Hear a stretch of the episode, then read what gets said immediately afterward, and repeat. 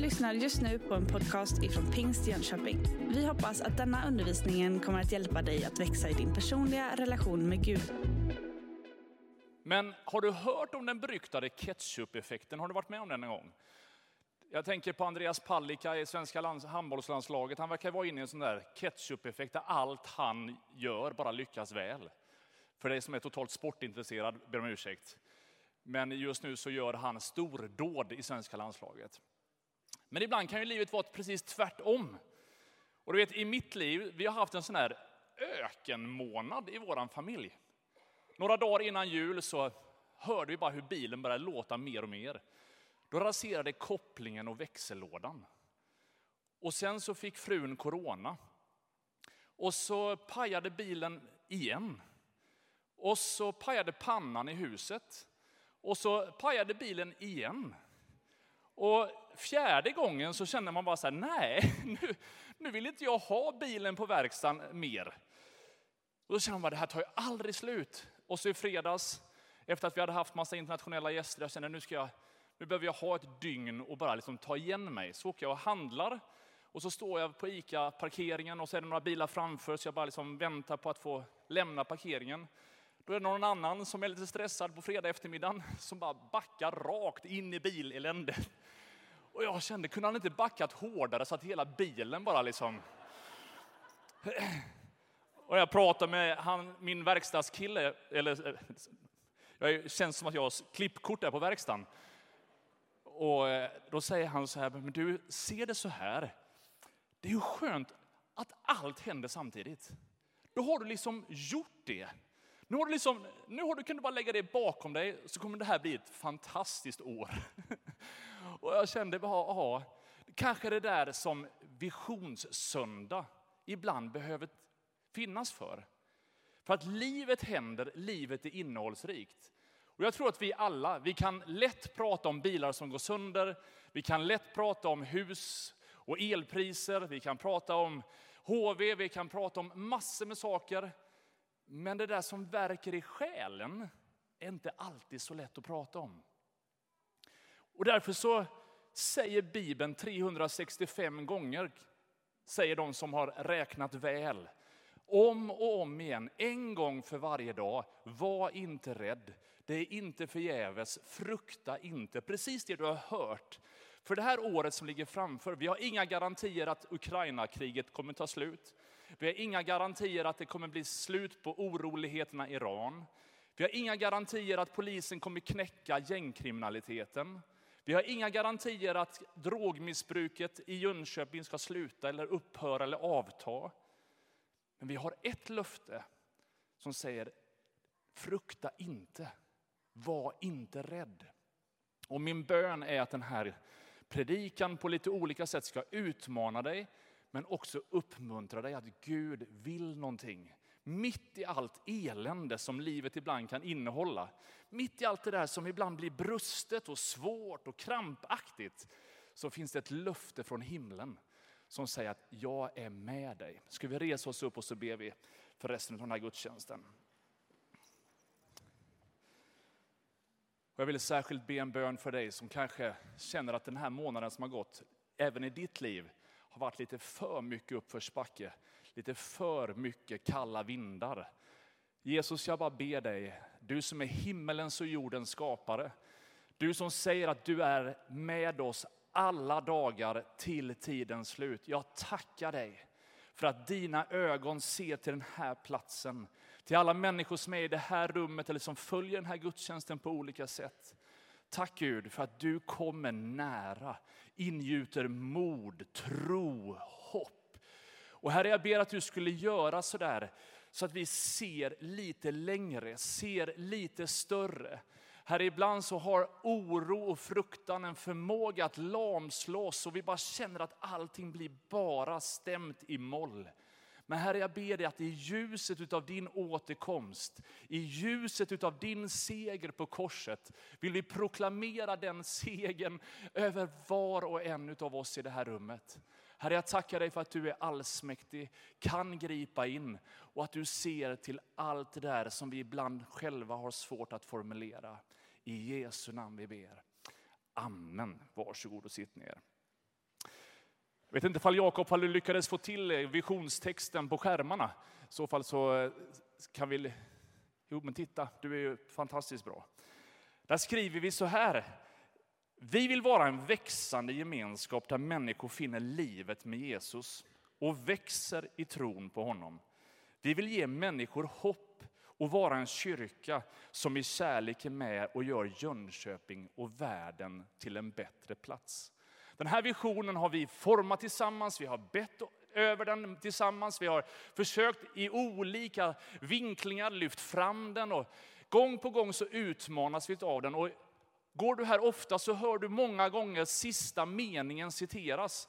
Den är med i många kollektinsamlingstal, den är med på många olika sätt att vi vill vara med och göra Jönköping och världen till en bättre plats. Och det vill vi fortsätta vara. Vi vill fortsätta göra det. Men under hösten när vi som ledarskap har bett och funderat och vridit och sagt, bara Gud, vad är det som du vill att vi ska prioritera året som ligger framför? Så är det som att vi har blivit sådär utmanade av den här visionstexten.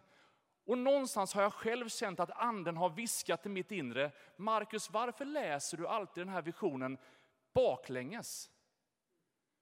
Varför kommer liksom själva emfasen, trycket på den sista meningen? Är det inte dags att börja läsa vad ni säger i början? Det ni upplever att Gud har lagt på era hjärtan att sättas först. Där vi säger vi vill vara en växande gemenskap där människor finner livet med Jesus. Nu ska jag inte utelämna dig, utan jag, bara, jag speglar genom mig. Inte för att själavårda mig själv från estraden, men för att göra det enkelt för dig att någonstans distansera dig. Om du inte håller med mig, så behöver inte du känna att jag attackerar dig på något sätt.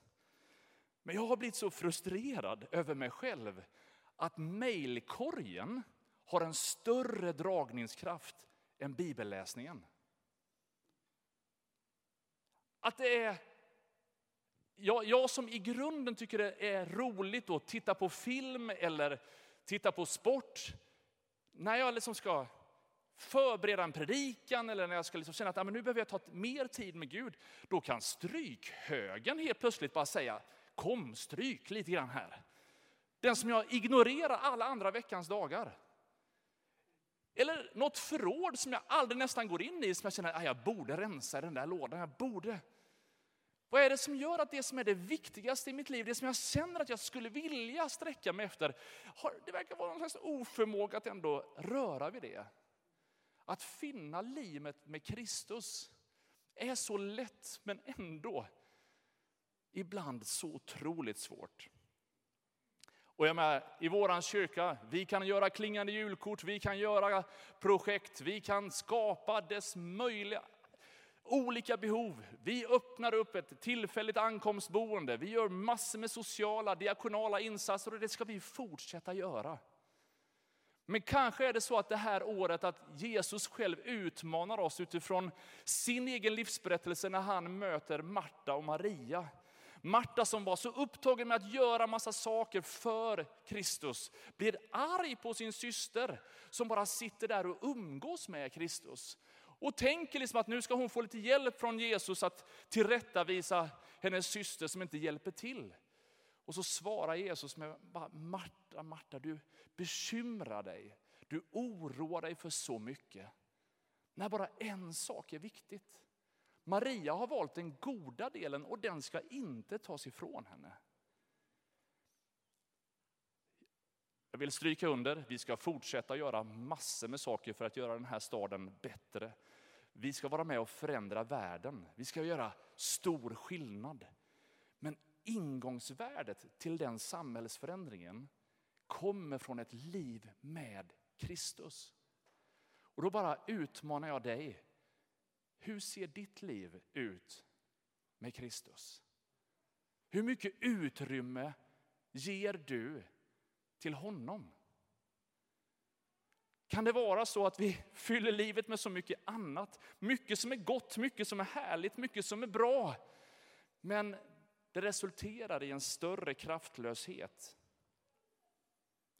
Och jag kan bli så frustrerad att när man pratar om bön och bibelläsning så blir vår respons ofta prestationsångest. Man känner bara, jag borde be mer, nu ber jag inte tillräckligt. Och så blir det någon slags nästan både offerkofta och prestationsångest som man känner sig dålig. Och, och så känner man bara, Gud måste ju bli jättefrustrerad. Bara så här, men här har jag bönen som en energigivande liksom, nyckel där du får uppleva Guds närvaro. Där du bara får känna att all den där fruktan och ångesten bara får rinna av dig. Men istället för att någonstans närma dig den där, så på något sätt så förlorar du en gång till. Du både förlorar kraften och hamnar i någon slags oproportionerlig skuld över, ja det blir konstigt. Så resonerar ju aldrig du. Det kanske bara är jag som gör. Men Gud utmanar mig för det här året och säger Markus, mindre du och mer Jesus. Mindre din kraft och mer Guds kraft. Är det någon mer som längtar efter det? Jag är så trött på min egen röst. Jag längtar efter Guds röst.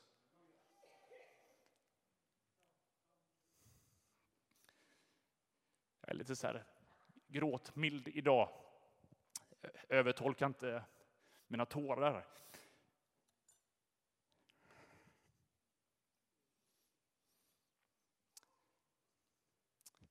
Gång på gång så står det i Bibeln så här.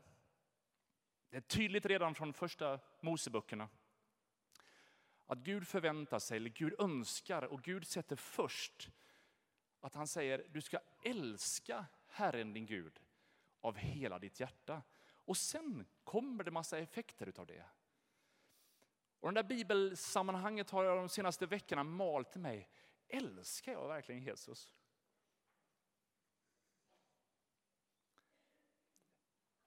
Är vi liksom kulturkristna som går till kyrkan på söndag, vi kan sångerna, vi liksom kan uppföra oss. Men passionen, att älska Jesus av hela sitt hjärta. Hur underhåller jag det? Och är det någonting som jag önskar att vår församling skulle få vara känd för och som skulle prägla oss och märkas i oss, så är det inte att vi har x antal lampor på estraden, eller så här många instrument, eller så här många sångare, eller så här vackra program. Utan att Jesus är mitt ibland oss. Och att det är han som allt ska handla om. Jag vill älska Herren din Gud. Är det så att Marta Markus, en ny formulering. Den nya tider. Har en förmåga att hela tiden ta platsen, fokus från Maria-attityden. Att sitta vid Jesu fötter. Är det kanske övertron på vår egen förmåga och undertron på Guds förmåga som gör att vi allt för många gånger tänker att vi ska lösa det själva istället för att bara säga Herre, jag lägger det här i dina händer. I höstas så fick jag och Mattias och Samuel Jonsson åka till London och vara med på en sån här internationell alfakonferens. Vi var hundra ledare från lite olika, kanske var 60-70 länder samlade där. Och står jag och pratar med han som nu är den nya prästen i Holy Trinity Brompton. Och så berättar han att de som var med och startade Alfa, den här alfafadern, han, den här åldrande pastorn, prästen, hade liksom ett, ett uttryck som de har burit sedan dess. Och det är att säga så här, att liksom, ibland så får tystnaden, den tysta bönen, bära de tyngsta bördorna. Och de har lärt sig att ibland bara vara stilla, besinna att Herren är Gud. Och jag har känt så många gånger, ju mer strid det är, ju hårdare försöker jag strida. Ju, ju mer utmaningarna blir, så jag, bara, Åh, jag kan jobba lite hårdare. Om vi bara hittar den här lösningen, om vi, om vi bara gör på det här sättet. Och så är det som om Gud bara, hallå, du är som en hamster i ett hjul. Lägg av, stanna, bli stilla, besinna att det inte är du som är Gud, det är jag. Det är jag som har dött för hela världen. Jag har inte övergett min tron. Jag har inte lämnat. Jag har fortfarande all makt i himlen och på jorden. Jag har bara kommit till första punkten, känns det som en lovande predikan. Line Sollenby attackerade mig igår kväll när vi möttes och sa att, liksom att eh, efter två, tre minuter räcker det. Nej, så sa du inte faktiskt. Riktigt så var det inte. Men jag har också känt inför det här året att jag skulle vilja utmana dig att reflektera över vilka glasögon läser du Bibeln med? Vilken, liksom, hur tolkar du det som står där? Och jag la upp en bild, vi har använt den flera gånger förut, ett forskningsarbete, liksom, World Value Survey, som regelbundet mäter massor med olika saker. Otroligt spännande forskningsrapporter som kommer därifrån tidigare. Där man kartlägger alla världens länder och hur man ser hur de förändras. Man kan mäta massa saker där. Och den här, just den här grafen den visar alla världens länder, eller många världens länder. I den ena, den underliggande delen som inte syns här riktigt, det är liksom från om man är väldigt konservativ eller om man är lite mer liberal. Om man är väldigt, och den som är på höjden, den är mer längst ner så är man otroligt familjecentrerad, det är väldigt mycket social, man är väldigt nära andra, man bygger starka identiteter tillsammans med andra kollektiv och man blir mer individualistisk ju längre upp på kartan man är. Vilket innebär att Sverige som ligger liksom uppe i högra hörnet, vi är otroligt självständiga och vi har en självklar liberalism som vi eftersträvar. Vi ska vara oss själva. Forskaren Lars Trägård han säger att konsekvensen av Sveriges sätt att vara, när vi driver självständighet och liberalism till dess yttersta gräns, har gjort det är det han kallar för the Swedish theory of love. Sverige och svensken som en av världens mest ensamma människor. Problemet är att vi är ju i den här kulturen, vi lever ju här. Jag är född här i Jönköping, jag har Ljungarum i mitt pass, jag har bott innanför Sveriges gränser hela mitt liv. Jag har några veckor lite här och där i andra länder, men annars är min erfarenhet supersvensk. Och när man sitter med andra kulturers ledare så inser man, jag är verkligen annorlunda. Problemet är att jag är det även när jag läser Bibeln. Så varje gång vi läser den här Bibeln så läser vi med våra svenska glasögon och så tolkar vi allt självständigt och individuellt. Och liksom så här, det, det är på mitt villkor. Ta bara det här med gudstjänstfirande. Hela världen firar gudstjänst, men vi svenskar vi håller, amen, jag kan fira gudstjänst på mitt sätt. Jag kan, Gud är lika närvarande i skogen och jag kan, vara, jag kan göra det här. Och, absolut, Gud är lika närvarande i skogen. Han är överallt. Och överallt där människor vänder sig till honom så har han sagt att jag ska bistå med min kraft. Så din bil, din buss, din eller lådbil eller vad det nu är för någonting. Kickbike Lina. Gud är närvarande. Men gudstjänst är någonting, är du med det? Men vi läser så ofta med våra glasögon. Följ med till Hesekiel kapitel 47 så ska jag bara påminna dig om några utmaningar innan vi kommer till den egentliga bibeltexten för den här dagen. Men vi har ju lunch i kyrkan och jag tänker att vi är inspirerade av våra internationella gäster så tänker vi att eh, några minuter är många minuter. Hesekiel 47, vers 9-12 så står det så här. Ett löfte om den Överallt dit den dubbla strömmen kommer upplivas alla levande varelser som rör sig i stim. Och fiskarna blir där mycket talrika, för när detta vatten kommer, dit blir vattnet sunt och allt får liv där strömmen rinner fram. Och så i slutet, deras löv ska inte vissna och deras frukt ska inte ta slut. Varje månad ska träden bära ny frukt, för deras vatten kommer från helgedomen. Det här är liksom både liksom luften om en, en praktisk geografisk förändring i det heliga landet. Men det är också en, en bild av andens verk i människan och löftet om att en dag så kommer Gud att göra fantastiska saker. Liksom i varenda Jesus troendes liv, men också etablerandet av sitt nya rike. Men om du läser den här texten som svensk så tänker du, ja den där dubbla strömmen, den vill jag ha. Den där dubbla anden kan möta mig och så ska mitt liv förändras. Men det står mitt i den här texten att det här gäller alla levande varelser som rör sig i stim. Har du sett ett fiskstim någon gång? Jag har ju bara sett på film eller på tv. Man har, liksom, jag har aldrig sett sådär jättestora stim. Men du vet, man ser ibland på fina naturprogram hur sådana där jättestim rör sig på något sätt som man, man förstår inte riktigt hur de navigerar. Hur gör de det här? Och för er som sitter här så kanske hitta Nemo det där, fortsätt simma, fortsätt simma, det är det där stimmet ni tänker på. Men det finns någonting i det kollektiva där Gud faktiskt utmanar svensken att tänka gudomligt, inte svenskt. Söka Guds rike och det som är bibliskt framför det som är svensk kultur och svensk sätt att vara. Och Det verkar som att Gud reser upp landmärken för oss någonstans längs med vägen att navigera. Och nu ska vi än en gång, jag tänker att ni ska, för att inte ni ska såsa till, vi reser oss upp och så läser vi en, ett, ett bibelavsnitt tillsammans igen.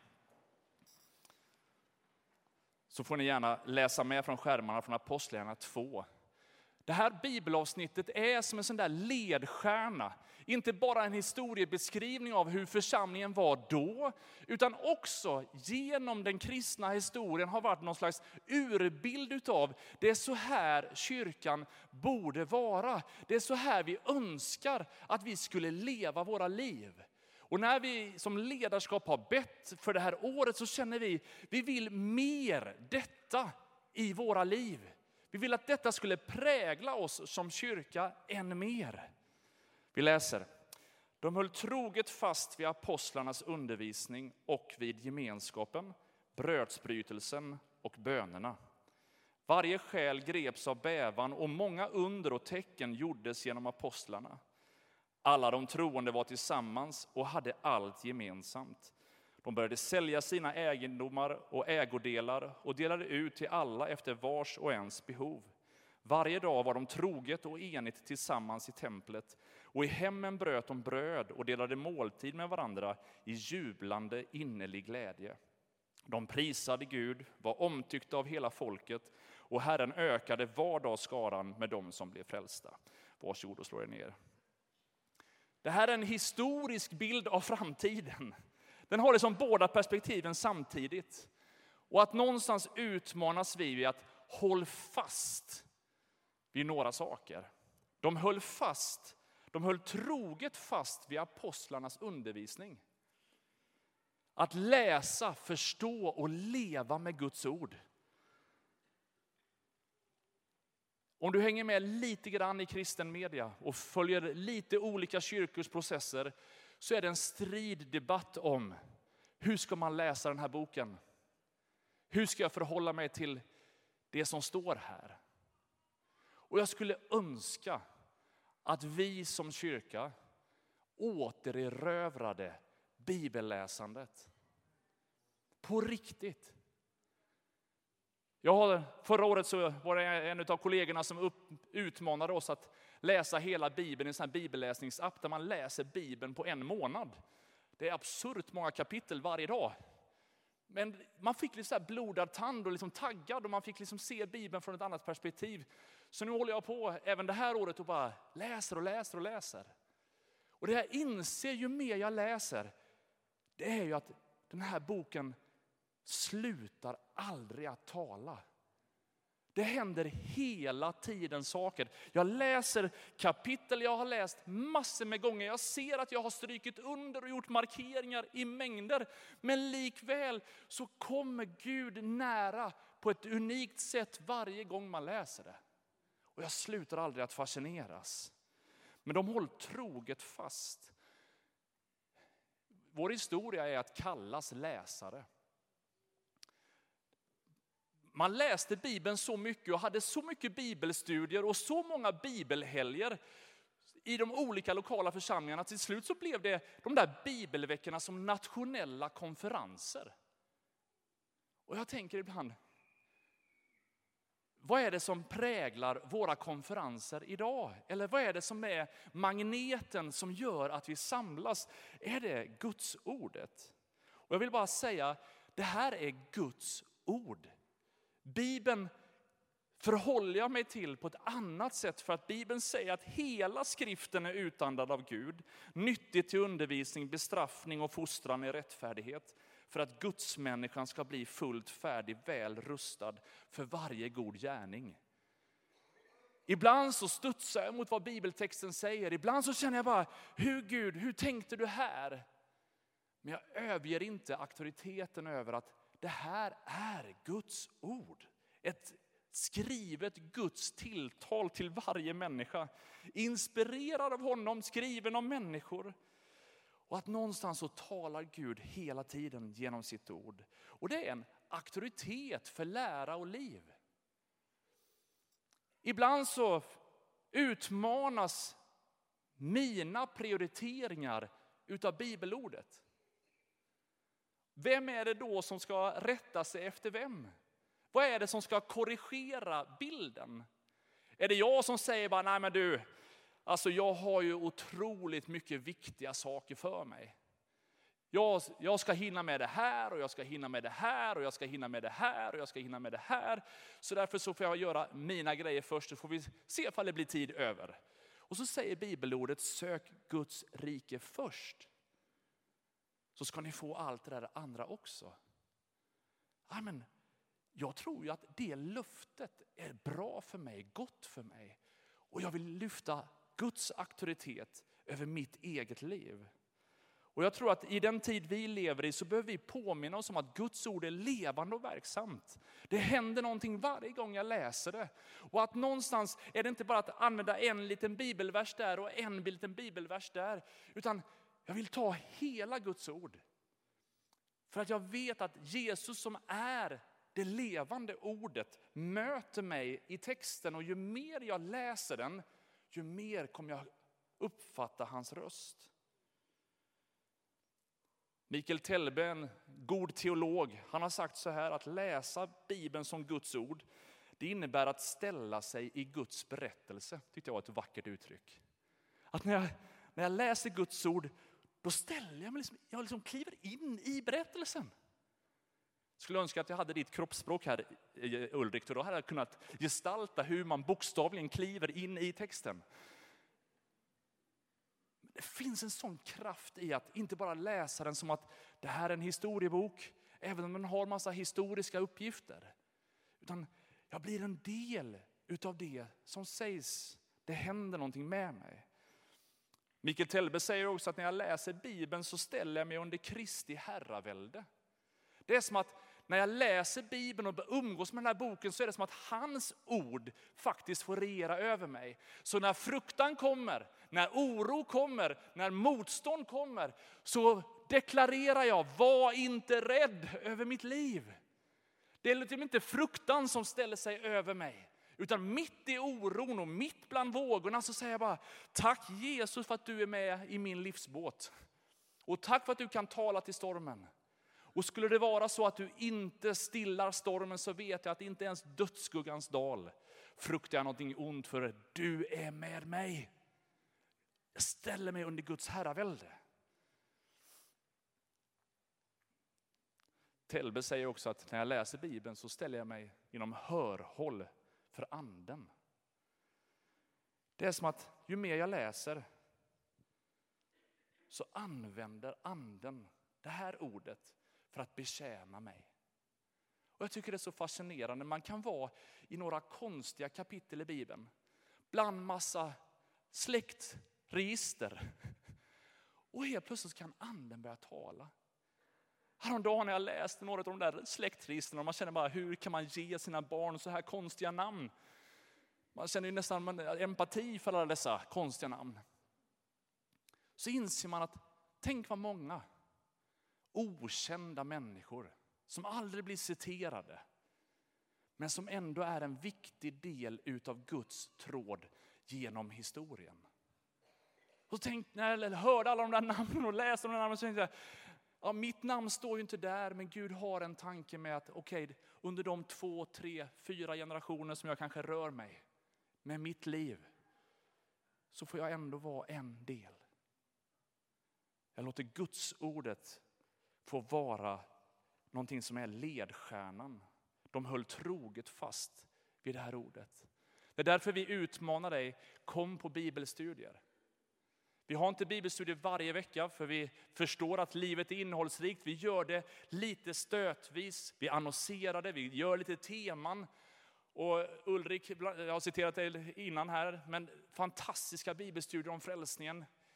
Så otroligt viktigt att förhålla sig, vad är det jag är frälst från, till vad och hur och hur, hur frälst, hur hel kan man bli? Liksom? Vi behöver bibelordet i en tid som våran där så mycket vindar blåser. Där politiker, där media, där trycket från alla möjliga håll kommer att vi ska tycka och passa in. Så är det så lätt hänt att vi någonstans försöker rucka på bibelordet och anpassar eller ändrar bibelordet för att det blåser så mycket åt ett visst håll. Vi behöver vara trygga med att det här är Guds ord. Vi håller fast i hela boken. Vi tror att varje del är utandad av Kristus och vi behöver den. De höll troget fast vid den inbördes hjälpen. Och det här har varit en utmaning under corona för vår församling. Många människor som hamnade totalt ensam i vår stad. Och så kände vi bara, vi måste bygga församling tajtare. Vi måste låta den praktiska inbördes hjälpen bli ännu mer konkret. Och jag skulle vilja utmana dig från kyrkohistorien. Det finns bland annat Justus martyren. Han levde år, cirka år 120. Det är ganska nära Kristi uppståndelse. Och han gestaltar och säger om den första, liksom den kyrkan, hur den fungerade. Och då säger han så här, att på den dagen som kallas söndag samlas alla som bor i städer eller på landsbygden på en enda plats. Och apostlarnas hågkomster eller profeternas skrifter läses upp så länge tiden tillåter. Det är passande för den här. Hur länge tillåter tiden? En definitionsfråga. Och eftersom vi är ett individualistiskt land så är det jag som har tolkningsföreträde så länge jag har mikrofonen. Men du kan gå när som helst.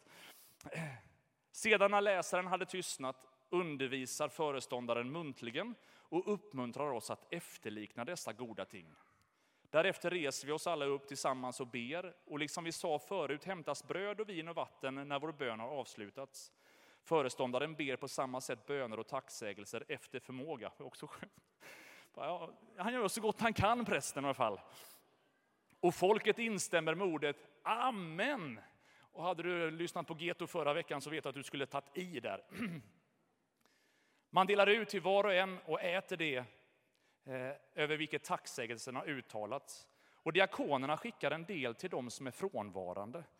De som är förmögna och villiga ger så mycket som var och en finner för gott och det insamlade anförtros föreståndaren som hjälper föräldralösa barn, änkor, de som genom sjukdom eller av kejsare.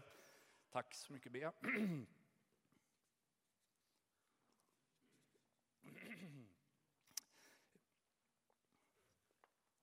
eller annan orsak eh, är behövande fångar och främlingar som bor ibland oss. Kort sagt, han tar hand om alla som är behövande. Skön arbetsbeskrivning för en föreståndare. Men vi märker här, diakonin var inte en sidoverksamhet. Det var inte så att man bara gav pengar på söndagen och så bara, vi gör någonting här borta. Utan det hade en sån central del utav att fira gudstjänst. Vilket innebar att man firade gudstjänst som vi gjorde nu och så tittade man runt sig omkring. Du kan titta dig runt omkring här. Vilka är här? Ser du de som sitter runt omkring dig? Titta gärna. Och så tänker du, vem är det som inte är här? Vem är det som borde vara här nu?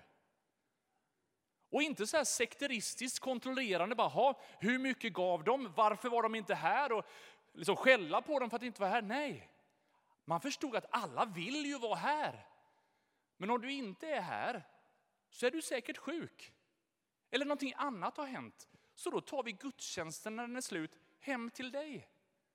Så diakonerna hade som uppgift att ta med sig det som blev kvar av bröd och vin efter nattvarden. Och så åkte man hem, smorde med olja, bad för den som var sjuk, delade nattvarden och sa, vi älskar dig, kan vi hjälpa dig med något? Ja, du vet, bilen har gått sönder. Jag kan laga den, eller? Det var ingen passning där. Men swishnumret kommer upp på skärmarna här om en stund. Likadant så ser vi Tertullianus, kanske den mest citerade kyrkofadern. För det han säger, det hävdar nästan alla att det står i Bibeln. Men det är inte så, men det är väl citerat. Han säger så här, på den månatliga dagen om han vill lägger var och en en liten donation, men bara om det är hans nöje. Och bara om han kan. För det finns inget tvång, allt är frivilligt. För dessa gåvor tas inte därifrån och spenderas på fester och dryckestillfällen och mathus, utan för att stödja och begrava fattiga människor, för att tillgodose behoven hos pojkar och flickor som saknar medel och föräldrar. Och av alla gamla personer som nu är instängda i huset, även sådana som blivit skeppsbrott. Och om de råkar finnas någon i gruvorna, förvisad till öarna eller instängd i fängelserna. Men det är främst gärningarna av en sådan ädel kärlek som får många att sätta ett märke på oss. De säger, se hur de älskar varandra. Så att den inbördes hjälpen var en av de kraftfullaste evangelisationsmetoderna som den första kyrkan hade. Genom att älska Jesus av hela sitt hjärta. Att inte tiga med det de hade sett och hört, utan bara Jesus har förvandlat våra liv. Han är inte död, han är uppstånden. Hans liv flödar genom våra ådror. Vi som är förvisade till allt möjligt, han har lyft upp oss, han räknar med oss.